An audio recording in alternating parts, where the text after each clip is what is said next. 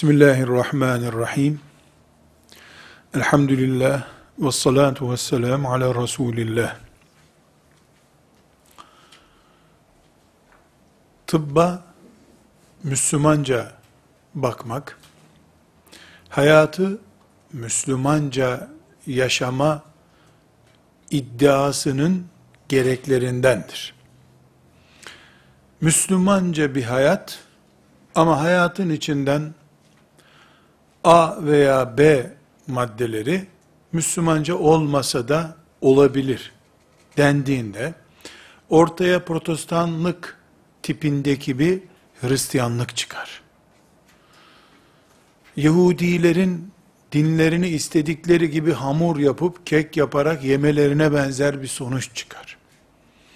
Müslümanlar ise kıyamete kadar Allah'ın dinini Allah'tan indiği gibi korumakla yükümlü insanlardırlar.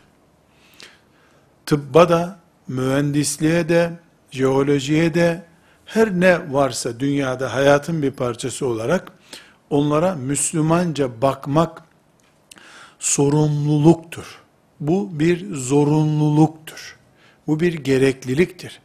Ancak tıbba veya filan branşa Müslümanca bakmak, bir espri niteliğinde söylüyorum. Mesela doktorların hepsinin sakallı olmaları. Aksi takdirde tıbba Müslümanca bakılmayacağı şeklinde bir sonuca sevk etmez bizi. Tıbba Müslümanca bakmak, tıpla İslam'ı ve Müslümanlığı savaşır halde tutmamak demektir.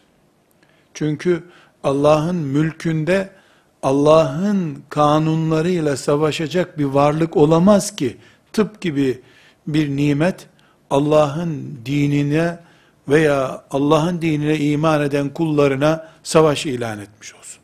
Böyle bir sürtüşme sunidir. Gereksizdir. Çok rahat bir şekilde tıp ve İslam Kabe'nin etrafında dönebilirler. Çünkü İslam kainat dinidir. Çünkü kainatın dini olan İslam, yörüngesindeki bütün gezegenlere varıncaya kadar her şeyi kuşatacak yapıdadır. Böyle inanıyoruz. Bu imanımızdan dolayı da tıbbın Müslümanca izlenebileceğini söylüyoruz inşallah. Üçüncü mukaddimemiz, tıbbın Müslümanca izlenmesiyle ilgili Üçüncü mukaddimemizde İslam'ın, dinimizin tıbba bakışını izah edeceğiz. Tıbbı ne olarak görüyor İslam? Bu ne olarak görüyor sorusu cevaplandığında biz de hastalar olarak veya doktorlar olarak nasıl görmemiz gerektiği ortaya çıkacak. Öncelikle şunu tespit etmemizde fayda var. Kur'an-ı Kerim'de tıp suresi diye bir sure yoktur. Tıbla ilgili öven veya yeren ayetler de yoktur. Peygamber aleyhissalatu vesselam Efendimizin de tıp dersleri diye yaptığı bir ders de yoktur. İleride inşallah müstakil bir iki ders yaptığımız olacak. Tıbbın Nebi diye, Nebevi Tıp diye bir bölüm epey zamandan beri Müslümanlar arasında zikredilir. Peygamber aleyhisselam efendimizin bugünkü anlamda olmasa da insan sağlığı ile ilgili e, konuştuğu sözlerinden oluşan hadisler derlenmiş, toparlanmış. Onlara nebevi tıp peygamber diliyle tıp gibi bir başlık verilmiş. Ama bu hiçbir zaman bir anatomi kitabında bulunması gereken temel İslami kavramlar anlamında değildir. Peygamber aleyhisselam efendimiz yaşadığı yörenin insanları için tavsiye niteliğinde Müslümanlar içinde hayati nitelik taşıyan tavsiyeler ölçüsünde bazı hadisi şerifler irad etmiştir. Bunlar yüzlerce değildir. Bunların tıpla çelişip çelişmediği açısından da biz meseleyi ele almıyoruz. Çünkü sahih bir hadis tıpla zaten çelişmez. Çelişir gibi görünüyorsa tıbbın kat edeceği mesafeler var demektir. Böyle bir durum da yok ortada zaten. Ama mesela tıp, nebevi tıp e, dediğimiz zaman akla gelecek hadislerden biri yemeği üçte bir kuru gıda, üçte bir sıvı, üçte bir hava midenin ölçüsü olacak şekilde tüketme yönünde hadis-i şerif var. Bu tıbbın nebi denecek, yani pey nebevi ölçülere göre sağlık denebilecek bir hadisi şeriftir. Bunları da tıbbın İslamca anlaşılmasının temel prensipleri gibi de algılamıyoruz. Tıbbın Müslüman olması veya bizim tıbba Müslüman gözüyle bakmamız, her ikisini eşit anlamda kullanıyorum. Kur'an-ı Kerim'den kaynaklı filanca A, B, C maddeleri, hadisi şeriflerden kaynaklı birinci, yedinci, sekizinci hadis-i şerif şeklinde değildir. Yani mesela namazı Peygamber aleyhisselam Efendimiz tarif etmiştir. Başka türlü namaz olmaz. Evliliği, nikahlanmayı da tarif etmiştir. Başka türlü olmaz. Yani İslam evliliğe, boşanmaya, savaşlara ve benzeri belli başlıklara ağırlığını koymuş, böyle olacak demiştir. Böyle olmadıkça yok kabul ediyorum bunu. Evlilikte mesela benim şu şartlarım oluşmazsa bu haramdır, zina sayarım bunu diyor. Tıbba böyle bir müdahale niteliğinde ya da tıbbı bu ağırlıkta yönlendirecek nitelikte ne Kur'an ayetleri vardır ne de hadisi şerifler vardır. Ama bugün konuşacağımız şeyler Kur'an'dan, hadisi şeriflerden ve şeriatımızın temel ilkelerinden yola çıkılarak e, alınmış şeylerdir. Şimdi mesela Efendimiz sallallahu aleyhi ve sellem tababet kabiliyeti ve ehliyeti olmadığı halde bir hastaya müdahale eden ve ona zarar veren suçludur buyurmuş. Bu ne demek? Yani bir insan tabip olarak bilinmiyor. Tababet ehliyeti yok. Yetkisi yok. Ama filanca adamın e, hastalığına bir ot getiriyor, bunu yedirin iyi olur diyor. Adam hepten ölüp gidiyor. Bu diyet ödemesi gereken bir katil olur. Çünkü ehliyeti olmadan bir e, hastaya müdahale etmiştir. Aynı şeyi tabip olan birisi yapsa onu bu suçta görmüyor dinimiz. Tabip olmayan birisinin müdahalesini ise suç görüyor. Şimdi burada e, bir hadisi şerif var. Buradan biz onlarca hüküm çıkarabiliyoruz. Bu hadisi şerifte zaten namazda böyle öğreniliyor. Oruç tutarken de Efendimiz sallallahu aleyhi ve sellem oruçla ilgili yüzlerce binlerce açıklama yapmamıştır. Temelini koymuştur. Üç cümle söylemiştir. O üç cümleyi Ebu Hanife rahmetullahi aleyh Bağdat'ta geniş bir yelpaze üzerinden bugünkü ilmihaller şekline getirmiştir. Din böyle. Bütün kurallarında böyle dinimiz. Bu sebeple biz şeriatımız olan Kur'an ve sünnet ve ashab-ı kiram pratiğinden bilhassa Hulefai Raşidin dönemi pratiğinden yola çıkarak tıbbı Müslümanca görme ölçüleri koyuyoruz. Tekrar ve tekrar vurguluyorum. Kur'an-ı Kerim'de tıp suresi yoktur. Çünkü Kur'an-ı Kerim bizim emekli olunca hastaneye yakın bir yerde ev tutmamız gibi tıbbı hayatın tek numaralı unsuru gibi görmüyor. Kur'an-ı Kerim hayatın bütününe hitap ediyor. Biz ölümden çok fazla korktuğumuz için, keyifli yaşamak istediğimiz için tıbbı ve tababeti hep bir numara, en önemli konu gibi görüyoruz. Müslümanlar veya kafirler kim olursa olsun hayatı keyifli yaşamak, konforlu yaşamak isteyen herkes tababeti en önemli meslek veya sanat olarak görüyorlar. Kur'an-ı Kerim için tababet de Allah'ın nimetlerinden bir nimet. E, matematik de öyle, biyoloji de öyle. Yani Allahü Teala'nın nazarı ile bizim nazarımız arasında bir miktar fark var. Bu sebeple Kur'an-ı Kerim'de böyle özel bir başlık yok. Hadis-i şeriflerde de dosyalar dolusu bir başlık yok. Ayrıntı sayılabilecek 3, 4 madde belki doldurulabilir hadis-i şeriflerle ama şeriatımız Kur'an'dan ve sünnetten oluşmuş şeriatımız tababeti olduğu gibi kuşatacak niteliktedir. Şimdi bunu ayrıntılarıyla göreceğiz inşallah. Bu dersimize bundan sonraki derslerimizde biiznillah. Burada madde madde sayayım. Bir, İslamiyet tıbbı müstakil bir meslek olarak görür. Mesela esnaf dediğimizde bakkalından, marangozundan, terzisine kadar iş yapıp para kazanan, ticaret yapıp para kazanan herkes buna girer. Buna tüccar der. Tıbbı ise müstakil bir meslek olarak görüyor. Müstakil bir meslek çünkü insan canıyla direkt alakalı bir meslektir. Bu müstakil bir meslek olduğu için de şeriatın nazarında bunun üzerine müstakil yatırım yapıyor. Müstakil projeler koyuyor.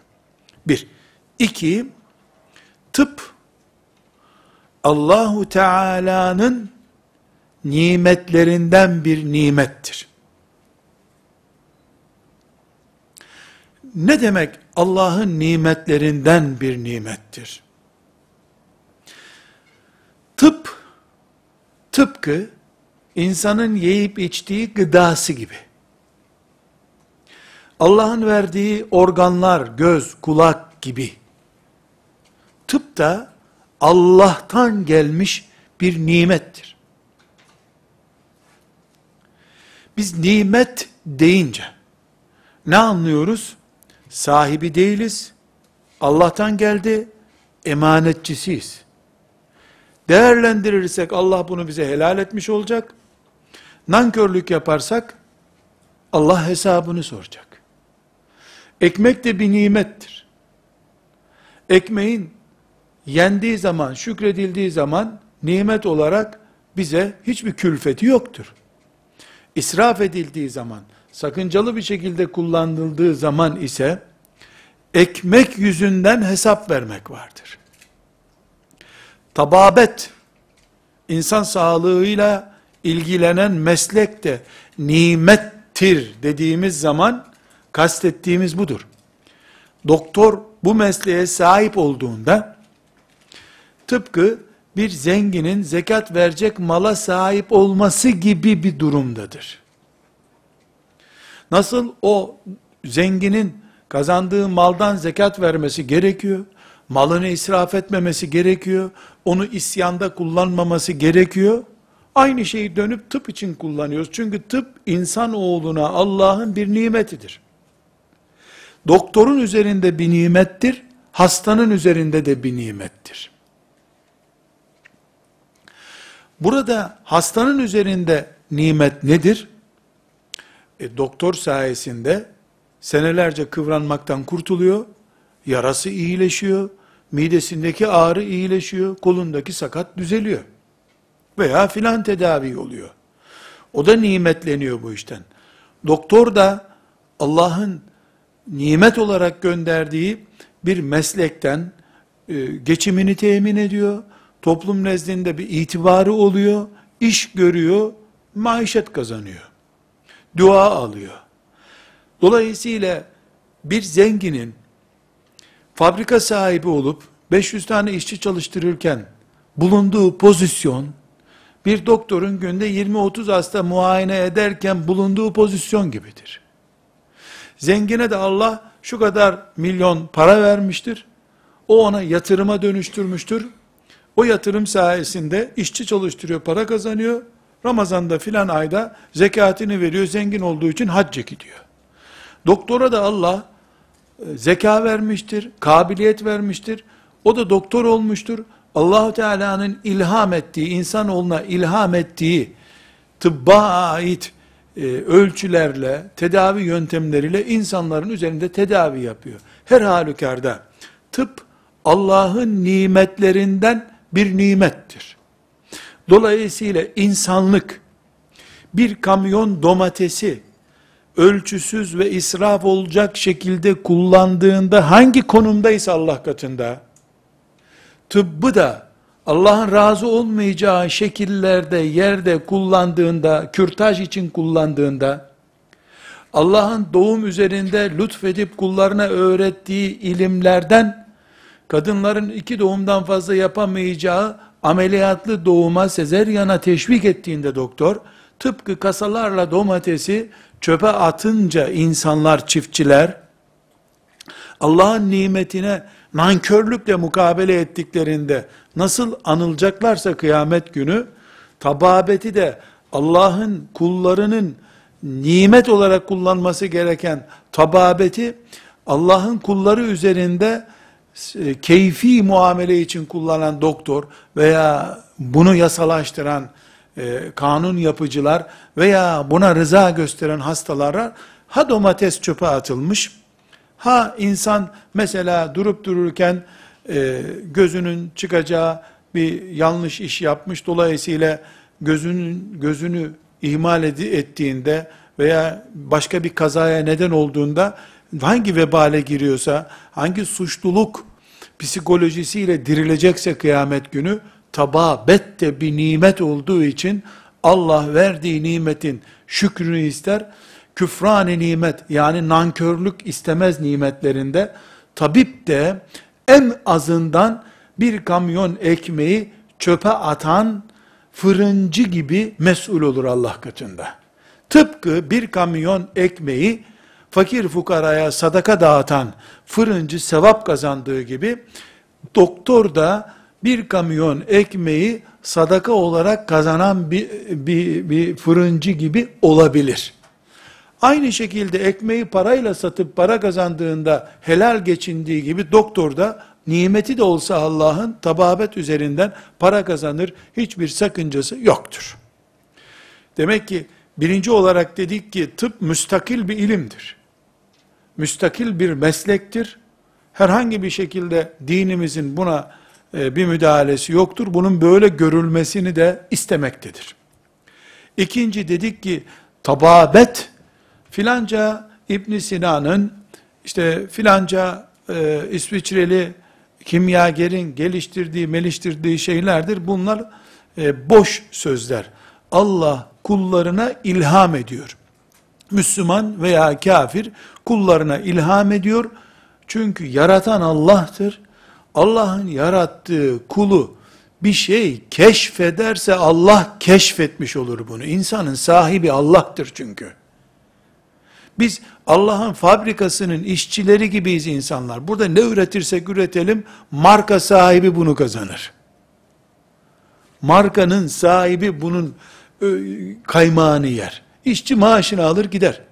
Filan ilacın keşfinde, e, filanca uygulamada, e, tababette filanca e, bölümü icra ettiğinde bir bilim adamı, müminse kıyamete kadar bundan büyük ecirler kazanacak. Mümin değilse parasını alacak, övgüsünü alacak, tıp kitaplarına yazılacak, TUS imtihanlarında sorulur, filanca bunu keşfettiğini de hangi kimya ölçüsünü kullanmıştı denir. Ölür. Bu dünya bu kadar işte onun için. Ama mümin bir insan bilir ki beni yaratan Allah. Kanser hastalığında filanca uygulamayı yapmamda şu sonuç elde çıkacak diye 20 sene laboratuvar çalışmasından sonra ulaştığım sonuç da Allah'ın ulaştırdığı bir sonuçtur. Çünkü Allah hastalık yarattığı gibi hastalıkların tedavisini de yaratıyor. Tedavi de yaratan Allah'tır. Dolayısıyla biz Allah'ın nimetlerinden bir nimet olarak görüyoruz. Bizi de nimetlendirilmiş kulları olarak görüyoruz. Doktorlar olarak da, hasta veya hastalık adayları olarak da. Çünkü insanlar ya hastadırlar ya da hastalık adayıdırlar. Her insan hastalığa adaydır. Doktorlar da hastalığa adaydırlar şüphesiz. Hatta doktor oldukları için mesela hastane hastalığına onlar herkesten daha önce adaydırlar. Yani mikrop kapmaları çok daha yüksektir. Yüksek ihtimallidir. Binaenaleyh hastalık adayı olmayan bir insan yoktur. Hazır hastalar vardır. İleride adaylığı gerçekleşecek olan hastalar olabilir. Hepimiz Allah'ın bu nimetinin bekleyenleriyiz. bu nimete şükredenleri olmak zorundayız. Üçüncü tespitimiz, eğer Allah şeriatında, üçüncü tespitimiz, tıbbı müstakil bir ilim olarak görmemizi emrediyorsa, artı bunu bize bir nimet olarak tanıtıyorsa, çünkü İbrahim aleyhisselam ne diyor Kur'an'da? Ve izâ meridtu fehuve. Hastalanırsam beni Allah şifalandırır. Şifamı Allah verir. Demek ki tıp Allah'tan gelen bir nimet. Ve izâ meridtu fehuve ayeti bunu oturtuyor. Eğer Allah bunu müstakil bir meslek olarak görmemizi murad ettiyse, bunu da bize bir nimet olarak gönderdiyse, tababeti kullanmak ecir kaynağıdır. Yani doktor, aleni bir haram işlemediği sürece ve hain niyetler, kasıtlı hatalar planlamadığı sürece, bir beşer olarak yapabileceklerini yapmak için odasında oturup hastalarını muayene etmeyi beklediği veya neşteri elinde e, gelen hastayı ameliyat etmeyi düşünüyor ve beşeri bir zafiyet göstermiyor. Nedir beşeri zafiyet? Yani bu zaten ölüp gidecek, bununla ilgilenmeyeyim gibi böyle bir hata göstermiyor. Tababetin gerektirdiklerini, tıp olarak öğrendiği şeyleri icra ediyorsa, bir doktor farklı boyutta sevap da olsa, camide oturup öğle namazını bekleyen bir Müslüman gibidir. Muayenehanesinde otururken, hastanede çalışırken, doktorun alt branşları olan eczacılar, e, laboratuvar görevlileri de bunun gibidir. Çünkü biz e, doktor diyorsak da bu konuşmalarımızda tıbbı kastediyoruz. Tıp sadece doktordan oluşmuyor. Öyle bir nokta oluyor ki hemşire olmadan doktor hiçbir iş yapamıyor.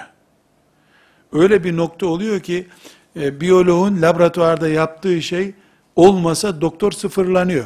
Doktor diye bir e, imkan olmuyor. Veya şimdiki modern görüntüleme cihazlarının kullanılması, radyoloğun onu okuması doktordan daha önemli bir nokta. E, bu hepsi bunların yani bir hastanede görev yapanlar doktorundan doktoru en üst noktada alalım aşağıya kadar e, herhangi bir şekilde Müslümanın camide oturup namazı beklerkenki pozisyonu gibidir. Ha burada farz bir namazı kılan bir Müslümanın sevabıyla e, muayenehanesinde para kazanmak için hasta muayene etmeye bekleyen bir doktorun sevabı aynı olabilir mi? Elbette öğle namazıyla herhangi bir şekilde e, kıyas edilmesi mümkün değil. Ama ama bir çizgi çizelim bir kenara, altına da şunu yazalım. Bir cerrah, bir trafik kazasındaki ağır bir hastayı, ölümcül bir hastayı, 10 dakika içerisinde ameliyata alması gereken bir pozisyonda, cuma namazını bırakıp gidebilir. Camide bekleyen Müslüman, muayenehanesinde bekleyen e, doktorla nasıl sevap bölüşürler derken birden doktorun pozisyonunu cuma namazını bırakıp hastaneye, ameliyathaneye gitme noktasına getirdik. Demek ki bunlar oynak rakamlar. Oynak sonuçlar bunlar. Öyle bir nokta oluyor ki doktor günlerdir ateşler içerisinde kıvranan bir bebeği rahatlatırken Allah'ın lütfuyla e, oturup herhangi bir şekilde camide namaz bekleyen bir Müslümandan çok daha fazla sevap kazanabilir. Ama her halükarda cami her zaman bir numaradır. Camide bekleyen de her zaman bir numara iş yapıyordur. Ama öyle bir pozisyon olur ki doktorun, hemşirenin veya laboratuvarda acilen bir e, tahlil yapması gereken bir görevlinin yaptığı iş ondan daha da üstün olabilir. Esnek bir noktada, hareketli bir noktada bunları gözlememiz gerekiyor. Dedi ki tıp müstakil bir ilimdir. Tıp Allah'ın nimetlerinden bir nimettir. O zaman bu ikisinin doğal sonucu olarak Allahu Teala tıbba ecir yazmaktadır. Buna hastanenin başhekiminden en alttaki en küçük görevdeki sorumluya kadar herkes bu ecre dahildir. Burada e, dipnot olarak kullanalım. Ecir olan her yerde, ecir ne demek? Sevap. Sevap olan her yerde günah da vardır. Çünkü bir şey sahibine sevap kazandırıyorsa o sevap bedavadan verilmiyor. Kara kaşından dolayı verilmiyor. İşlemden dolayı veriliyor. İşlem hatalı oluştuğunda veya iş, o yapılan iş sevap için yapılacak iş yanlış yapıldığında vebaldir. Yani namazdan örnek konuşalım. Namaz sevap mı? Daha üstü olmayan bir sevap. Abdestsiz kılındığında günah. Zirvede bir günah o zaman.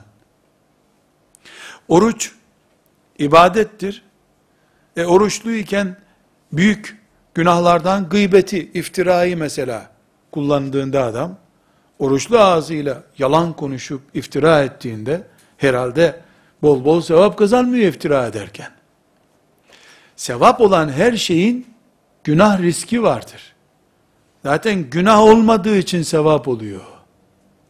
Sevap ters döndürüldüğü için günah oluyor. Bunu da dipnot olarak e, hafızamıza kaydedelim. Dördüncü noktamız, dedik ki Allah'ın nimetlerindendir tıp. Allah'ın nimetlerindense tıp, aynı zamanda Allah'ın rahmetinin tecellisidir. Dördüncü noktada diyoruz ki tıp Allah'ın rahmetinin tecellisidir. Bebeğe, yaşlıya, doğum sancısıyla kıvranan kadına, trafik kazası geçirmiş, kolunun üstünden tekerlek geçmiş bir insana, Müslüman olsun, kafir olsun, ağlıyor, sızlıyor o kadar ki ağlamaya bile mecali kalmıyor, inlemeye başlıyor. Biraz sonra o inlemesi de gidiyor, ölü gibi duruyor. Bu, onu yaratanın rahmetine muhtaç. Yoksa, üçüncü kattan düşmüş, öleceği belli bir şey bunun. Ciddi bir şekilde ancak yaratanı onu kurtarır. İşte bir trafik kazası. Ya da yani bu kadar trafik kazasına da gerek yok. Basit bir bronşitte, basit bir astım da yani insanoğlunun böyle saat tamir eder gibi söküp ciğerlerini filan yıkayıp tekrar yerine koyup yani araba motoru gibi sökülmüyor insanoğlu. Bir defa uyuşturularak, narkoz verilerek yani yarı öldürülerek tedavi ettirilebiliyor insan. Ama motorun fişini çekiyorsun, açıyorsun kapağını, eski parçasını tak, söküp yenisini takıyorsun. İnsan bu kadar kolay tamir edilmiyor. Yani bir insanın iç organları olsun, dış organları olsun, ağır hastalığı veya geçirdiği bir kaza, ancak yaratıcısının tamir edebileceği nitelikte bir sorundur. Yaratan Rabbi Allah Celle Celaluhu rahmetiyle o arızalı organları yeniden döndürmeyi murad ederse, lütfederse yeniden dönüşümle sağlamlaşır.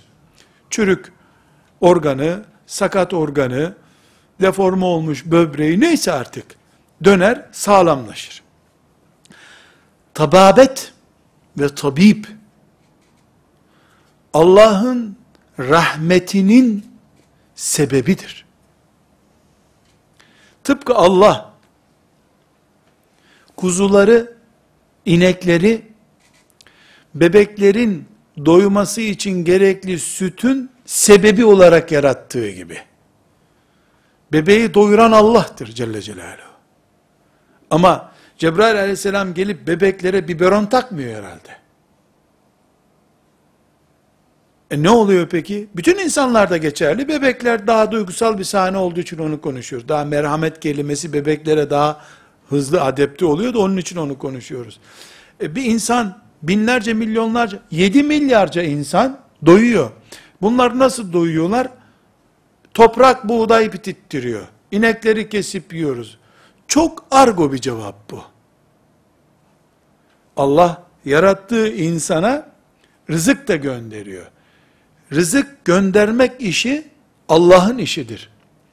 Esma-ı Hüsna'sından Rabbimizin Er-Rezzak diye bir ismine iman ediyoruz biz. Rızık Allah'tandır diyoruz. Bir insan çıkıp dese ki beni toprak doyurdu. Toprak ana doyurdu beni dese dinden çıkar. Toprak kimseyi doyurmaz ki. E Allah doyurdu. Nasıl doyurdu bakalım? Cebrail bana pirzola mı getiriyor her hafta? Yahudilere getirdi de ne oldu zaten? Yahudilere bıldırcın getirdi Cebrail aleyhisselam da sanki bir şey mi değişti? Ama Allah ne yapıyor? Toprağı, ineği, nehirleri, pınar sularını kullarına rahmetini ulaştırmak için sebep olarak yaratmış. Yoksa ineklerin, derelerin yapacağı bir şey yok bu dünyada. Ama insan doysun diye, insan hava alsın diye, insan su içsin diye bu sebepleri yaratmış. Kur'an'ımız ne buyuruyor? Şu gördüğünüz dünyadaki, uzaydaki her şeyi sizin hizmetinize veren Allah'tır diyor. Biz koyun besledik diyoruz. Avuntu bir cümle kullanıyoruz. Koyun beslemiyoruz biz. Allah bize koyun gönderiyor. Yününden istifade edelim, etinden istifade edelim. Bu mantığı anladıysanız, ne dediğimi, yani bizi Allah aslında doyuruyor, ama doyururken bizi bir takım sebepler yaratıyor. Koyun bir sebeptir. Bebek süt bulsun diye. E filanca e, bitki bir sebeptir. Dağlar bir sebeptir. Rüzgar akışını sağlıyor. Bulutlar yağmurun bir sebebi. Yağmur toprağın bir sebebi. Toprak bizim bir sebebi. Böyle bir sebepler dünyasında yaşıyoruz. Ama insanoğlu yağmur yağdı demiyor da ne diyor? Rahmet indi diyor. Çünkü yağmur o kadar gerekli ki Allah'ın gelen rahmetini görmede bir numaralı sebep yağmur. Onun için rahmet indi diyor. Yağmur yağdı demiyor kimse. Müslüman nesiller tabi. Her şeyi Allah'tan bilenler olarak. Nasıl insanın karnının doyması, vücudunun e, sıcak kalması, hayatta kalması için böyle bir süreçten söz ediyorsak, tıbbı da Allah'ın rahmetinin tecelli ettiği sebeplerden biri olarak görüyoruz. Rahmetin tecelli etmesi ne demek? Yansıması demek. Yani Allah'ın onu araç olarak kullanması demek. O zaman doktor Ahmet Bey, doktor Fatıma Hanım, kesinlikle doktor kelimesi tırnak içine alalım, doktor kelimesi sözcüğü ile biten bir mesleğin sahibi değildirler. Peki kimdirler? Allah'ın bebek kuluna, yaşlı kuluna, kadın kuluna, erkek kuluna rahmetini tecelli ettirdiği sebeptir. Hacerül Esved de Kabe'nin köşesinde böyle bir sebeptir. Haşa Allahu Teala ile bir ilgisi yoktur o taşın.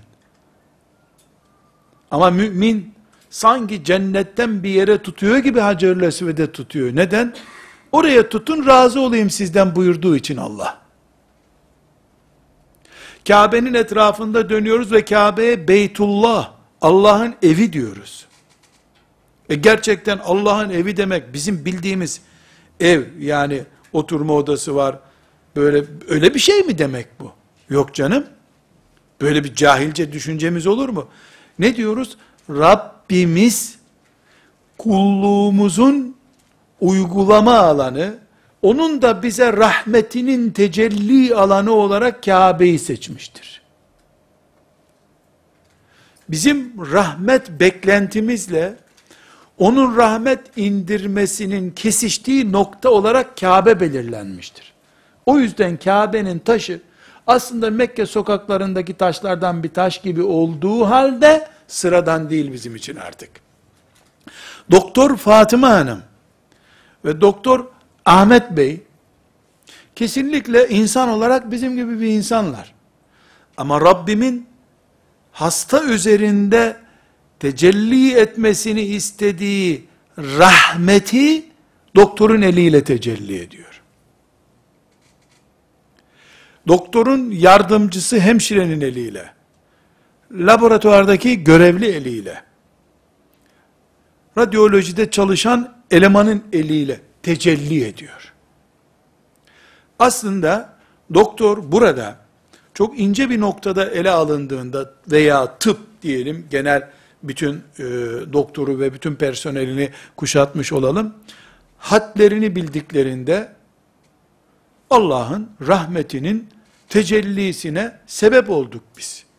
Deyip durmaları gerekir. Ama burada doktor kendisi yaratmış gibi, kendisi iyi ediyor gibi uyguladığı zaman Kabe'yi müşriklerin çıplak tavaf etmesi gibi çirkin bir iş yapmış olur. Yanlış bir yerden tutmuş olur doktor. Birinci pozisyonu yani Rabbim benim elimle şifa veriyor dediği zaman doktorun her hasta çıkıp önüne geldiğinde geçen gün bana verdiğiniz ilaçlar iyi geldi doktor bey teşekkür ederim dediğinde önemli değil Allah afiyet versin güle güle deyip gönderir.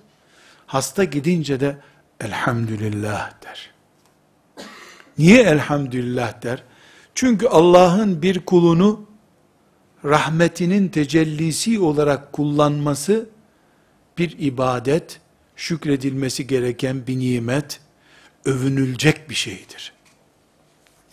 Doktor beyaz önlüğü ve hasta üzerindeki imza yetkisi, ya da çaresiz insanların önünde eğilip bükülmesini sömürü, kibir, riya veya benzeri böbürlenme gibi afetler için kullanması halinde Kabe'ye gidip tavaf etmeden geri gelen gibi yanlış iş yapmış olur en azından. Bu bahsettiğim dördüncü noktada tababeti Allah'ın rahmetinin tecellisi. Doktoru da o tecellinin aleti olarak görmemizin tabii sonucunu vurguluyorum. Tabii sonucu budur. Eğer biz tababeti mesleklerden bir meslek olarak görsek, mesela marangozluk olarak görsek, şu anda marangozluk çok yaygın bir meslek olarak bilinmiyor. Yani eskiden ciddi bir sanattı marangozluk. Şimdi sanat olarak bilinmiyor. Terzilik diyelim mesela. Ve terzilik olarak yani çok güzel e, kıyafetler dizayn edebilen bir terzi olarak görelim. O da o da ciddi bir şekilde e, Müslüman bir insanın şükretmesi gereken insanlar e, tesettürlerine bürünüyorlar, avretlerini örtüyorlar ve buna da Allah beni sebep kılmış. Elhamdülillah buna da denecek elbette. Ama bir farkla var. O zaman beşinci noktaya e, beşinci noktaya tespit açısından gelmemiz gerekiyor. Madem ki bu nimetlerden bir nimettir diyoruz. Mesela terziliği de nimetlerden bir nimet olarak Allah'ın rahmetinin tecellilerinden bir tecelli olarak görüyoruz. Ancak Beşinci noktamız bir fark var. Tababet, tıp, insanın temel ihtiyaçlarındandır. Terzilik, bu ihtiyaca göre lükstür. Bir gömlek ihtiyacı, bir abaye ihtiyacı, ferace ihtiyacı 20 sene ertelenebilir. Ama tababet ihtiyacının 20 dakika bile ertelenmesi mümkün olmayan durum vardır. Mesela doğa olaylarından biri olarak sayıp örnek verelim. Bir arı sokmasında bir hastanın doktora ihtiyacı ne kadar ertelenebilir? Ben doktor olarak buna cevap veremeyeceğim için bir şey söyleyemiyorum ama duyduğum, bildiğim kulak duyumlu düzeydeki bilgilerimle cevaplandırırsam, bilemedin iki saattir. Haydi olsun üç saat. Nefessizlikten gider adam. Gidiyor da nitekim. Arı sokması diyorsun, basit bir şey diyorsun. Bir saat sonra nefessizlikten ölüyor insan. Oradaki ihtiyaçla terziye olan ihtiyaç aynı mı? İnsan terzi 10 sene bulmasa yani otlardan bir hasır yapıp hasırın içine girerek de avretini örtebilir. Odasından çıkmaz. Terzi buluncaya kadar odamdan çıkmıyorum der. Banyodan çıkmaz. Ama sağlık, sağlıklı yaşamak, sıhhatli olmak bu oranlamayla karşılaştırılabilecek bir şey değildir. Vurguladığımız budur. Tababet asil bir ihtiyaçtır. Ve asıl ihtiyaçlardandır. Herhangi bir meslek, tababetin dışındaki herhangi bir meslek, hiçbir zaman o noktaya gelemez. Bu sebeple eğer tababete biz ihtiyacımız olması bakımından bu şekilde bakıyorsak, bakmamız gerekiyorsa, çok net bir şekilde doktorun varlığını, yani doktor ihtiyacımızı ve doktorun topluma borcunu, topluma hizmetini, insanlığa katkısını hiçbir zaman kuaförlerle, terzilerle, manavla, marketçiyle, rençberle karşılaştıramayız. Böyle bir karşılaştırma yapamayız bir defa. Ne kadar benziyor filan diye de sormaya gerek yok. Karşılaştırma listesine koyamayız bunu. Çünkü can elbiseyle ölçülebilir bir şey değildir. Bir insanın kuaför ihtiyacı hiçbir zaman cildiyeciye saçı dökülünce cildiyeciye olan ihtiyacı ile karşılaştırılamaz bile. Hatta bebeğin mamasından önce annenin sağlığı söz konusu. Ayrıntılarına girildiğinde şüphesiz.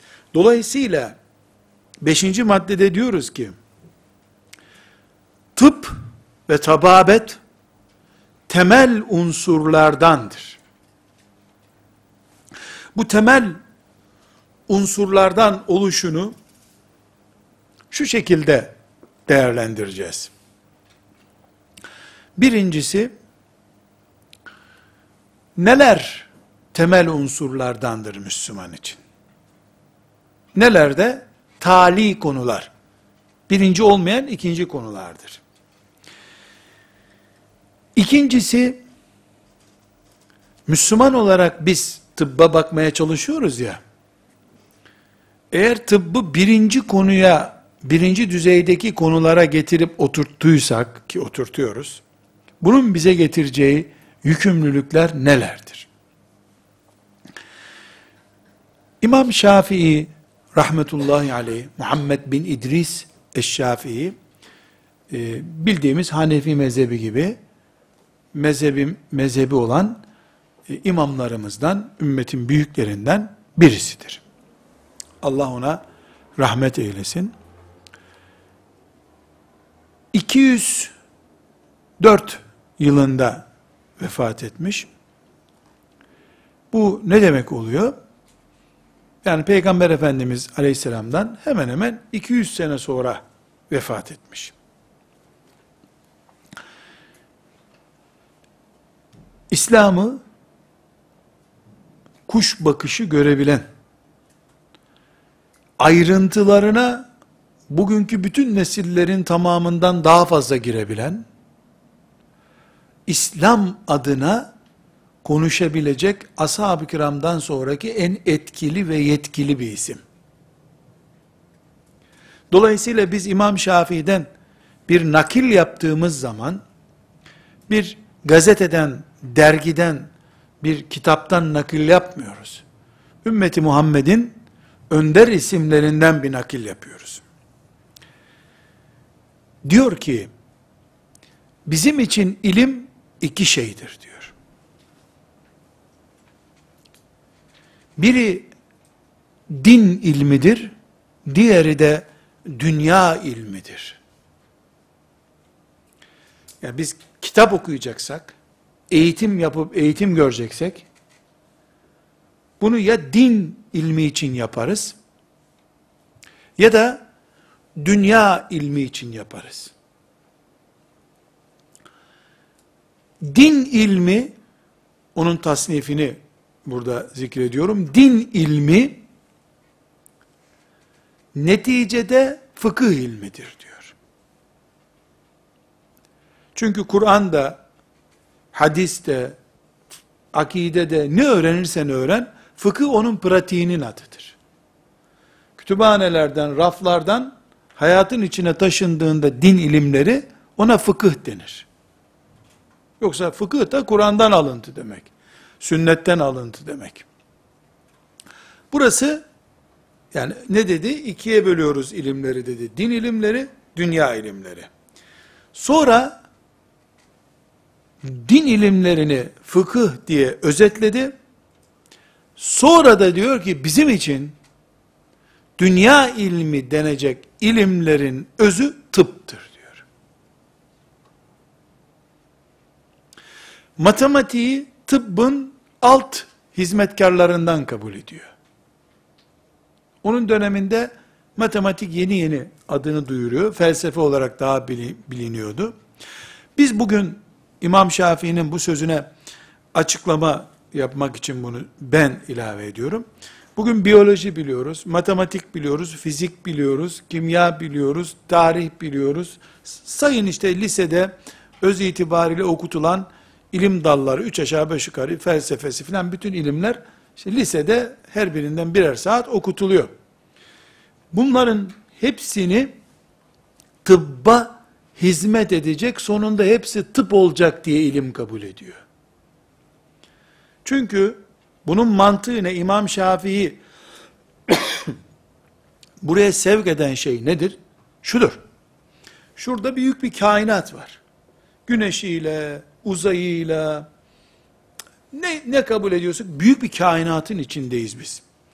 Kur'an'ımız ne diyor? Bütün bu kainatta ne varsa, içinde şu dünyanın neler varsa, okyanusundan, dağlarından, canlılarına kadar, hepsini hizmetinize verdik diyor. allah Teala. Şimdi yaratan Allah, kainatta gördüğün her şey hizmetinizde diyor. Sen astronomi yapıyorsun, yani astronomi ilmiyle meşgul oluyorsun, veya biyolojiyle meşgul oluyorsun. Bunların hepsi insanın hizmetine sunulmuş şeyler. Dolayısıyla direkt veya dolaylı insana hizmet ediyor bütün ilimler. Zaten insana hizmet etmeyen ilmin ne gereği var? E, veterinerlik hayvanlara mı hizmet ediyor? Evet. Ama hayvanları Allah insanlar için yaratmış. İnsan ineğinden koyununa kadar, yılana kadar, akrebe kadar, e akreple yılanın ne işi var? Ne işi olacak? Kim bilir onlar filan ot bitki çeşidinin insana fayda vermesi için yaratılmıştır. Henüz insanlık bunu keşfetmemiş. Allah lüzumsuz bir şey yaratmaz. Akrep de dahil, yılan da dahil kaldı ki e, yılan tıbbın bile simgesi neredeyse. Yani biz düşman sokuyor, batırıyor, bağırıyor zannediyoruz ama kim bilir yılanda insanlığın hangi hastalıklarının şifası var hala keşfedilememiştir. Korktuğumuz, ürktüğümüz ayının kim bilir tüyünden kanser ilacı yapılacak yarın. Allah öyle yarattı. Ee, insanlara da nesli tükenmesin, koruyun bunları ormanlara da diye de ilham etti Allah. Yani biz bu kainatın sırlarının belki trilyonda birini keşfedemedik henüz. Uzaya araç gönderdik ama burnumuzun dibindeki bir otta ne var anlayamadık daha. Sadece laboratuvarda getirip otun şusunu bu şusunu hücrelerini ölçüyorsun. O kadar yapabiliyorsun. Yani henüz cahiliz bilgi noktasında hala bir şey bildiğimiz yok. Hepimizin, bütün insanlığın bildiği şey, Allah'ın bilgisinin katında, sıfırın altında bir şey. O bilgiyle de Allah yaratmış, her şeyi de İnsanın hizmetine takdim etmiş Allah. İnsanın hizmetine takdim edildiğine göre neye hizmet edilirse edilsin aslında bu insana hizmettir. Ama tıp direkt insana hizmettir. İneğe hizmet veyahut da filan kobay faresine hizmet dolaylı bir hizmettir. Dolaylılar da direğin altında kalmak zorundalar. Bunun için İmam Şafii rahmetullahi aleyh tababeti dünya ilimlerinin özü olarak görüyor. Çünkü insan var olmadıkça, sağlıklı olmadığı sürece uzaya araç göndersen ne olur? Füze göndersen ne olur? Gemi göndersen ne olur? Bütün bunlar hep insan için, insan hastanede yatıyor. Veyahut da insan yerinden kıpırdayamıyor. Ölenlere tapu vermek gibi bir şey bu. Adam ölmüş, ona dünyanın en pahalı tapusunu getirip veriyorsun, senin olsun. Mezara mı götürecek, ne yapacak onu? Her şey insanın sağlıklı yaşaması için, tıp da insanın bu sağlıklı yaşama idealinin ve gerekliliğinin en pratik tahakkuk ettiği yerdir. O yüzden İmam Şafii, Allah ona rahmet etsin, bugün e, büyük bir e, ansiklopediyi dolduracak kadar bilgiyi iki kelimede özetlemiş. İlim dediğin dünya ilmidir ve din ilmidir demiş. Sonra da din ilmi dediğin fıkıhtır. Dünya ilmi dediğinde tababettir demiş. Allah rahmet eylesin. İmam Şafii'den bu tespiti aldıktan sonra bir sorgu yapacağız. Bu beşinci maddede bırakacağız. Ne dedik? Tıp müstakil bir ilimdir. Allah'ın nimetlerinden bir nimettir. Sevap kaynaklarından bir kaynaktır. Allah'ın rahmetinin tecellilerinden biridir. Tıp ve doktor da onun sebebidir. Tıbba ihtiyacımız asıl bir ihtiyaçtır. Devşirme ihtiyaç değildir. Dolayısıyla e, tababeti ihmal edemeyiz diyor dinimiz. İmam Şafii'den de buna bir e, örnek getirdik. Çünkü İmam Şafii şeriatımızı kuş bakışı görme kabiliyetinde birisi, ümmeti Muhammed'in böyle inandığı bir şahsiyet. Burada küçük bir yan konuya gireceğiz. Altıncı madde değil ama yan konuya gireceğiz. Bunu açıklaması için.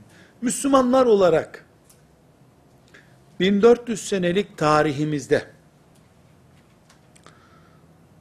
tababeti bu perspektiften görebildik mi acaba?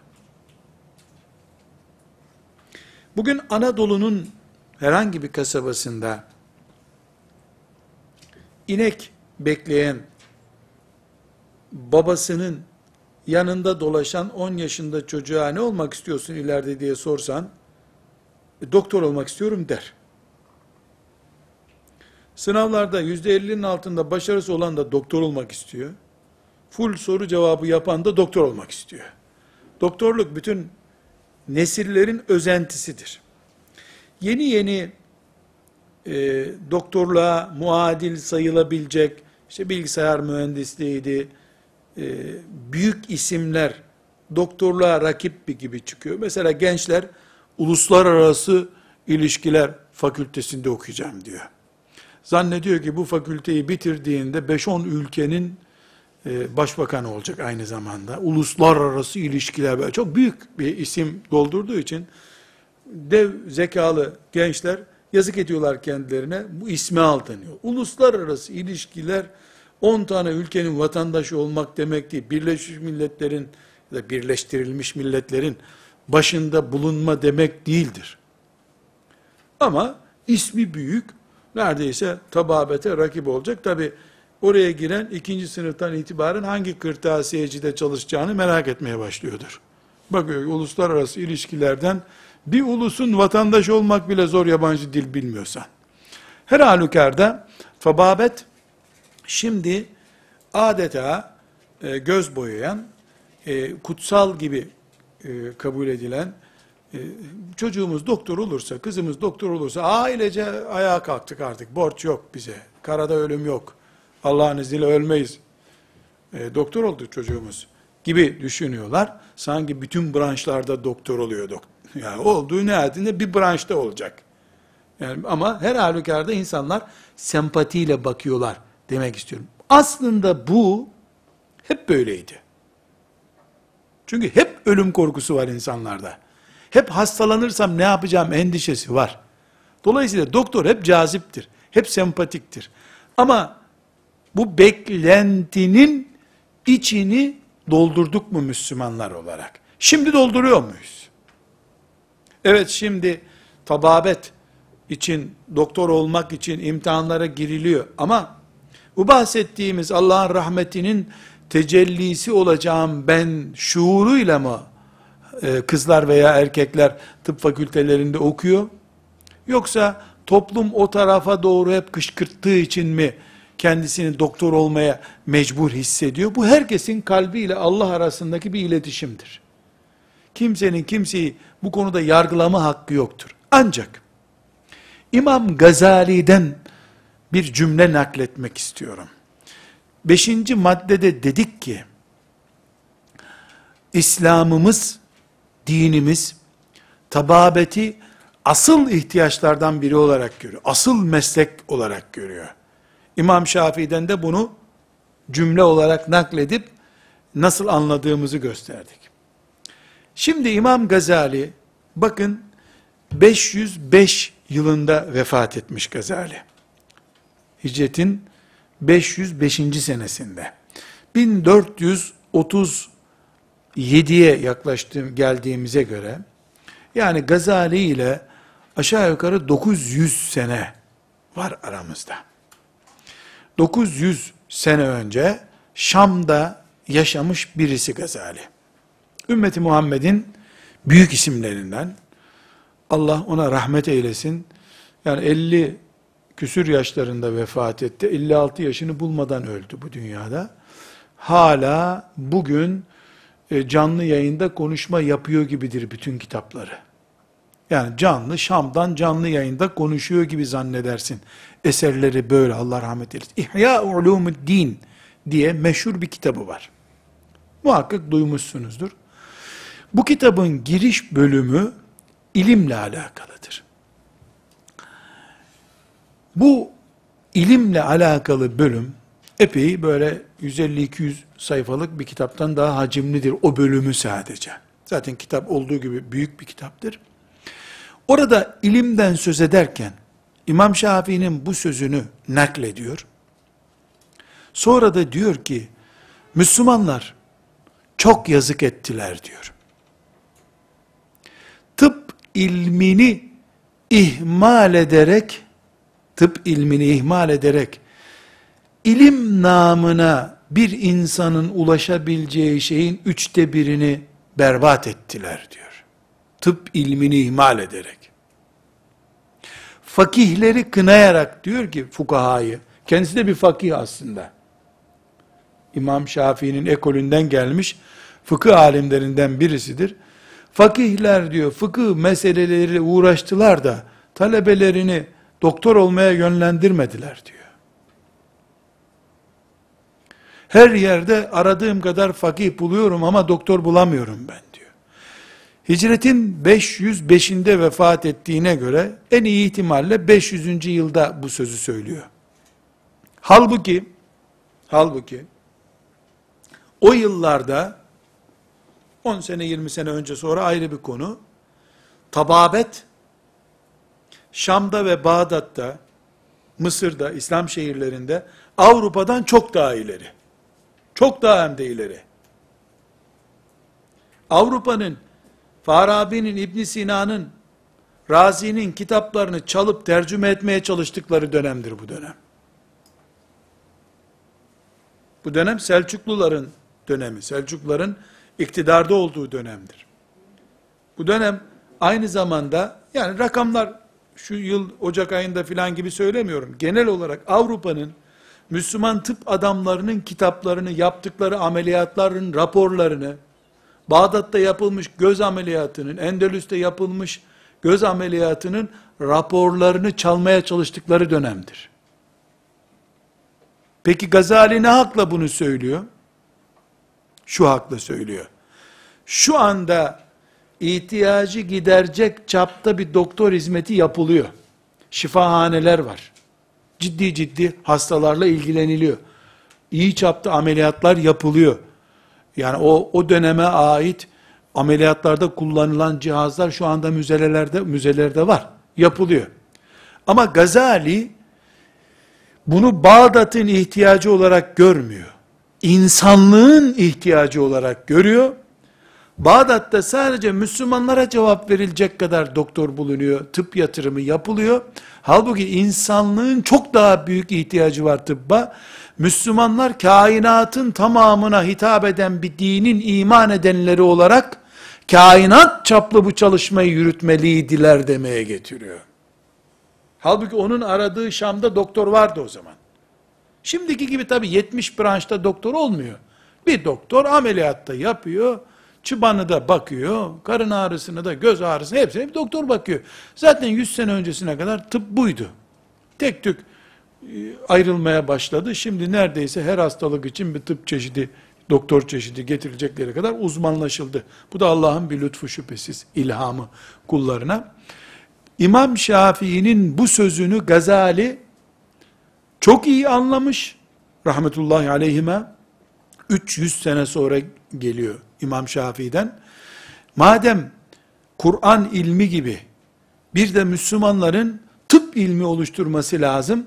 Nasıl Kur'an'ı köşe bucak her medreseye koyuyorsun, Kur'an nesli yetişsin diye, tıbbı da Müslümanlar avuçlarının içine almalıydılar diyor. İmam Gazali İhya Ulumuddin'de Allah ona rahmet etsin. Buradan biz şimdi çıkıp diyoruz ki tababet İhya Ulumuddin'de Gazali'nin gördüğü bu gözle görülecek şekilde asil bir bilim dalıdır. Ve doktor da insanlığın bu çapta bir ihtiyacını giderdiği için öyle bir insandır diyoruz. Ve sallallahu ve sellem ala seyyidina Muhammed ve ala alihi ve sahbihi ecma'in velhamdülillahi rabbil alemin.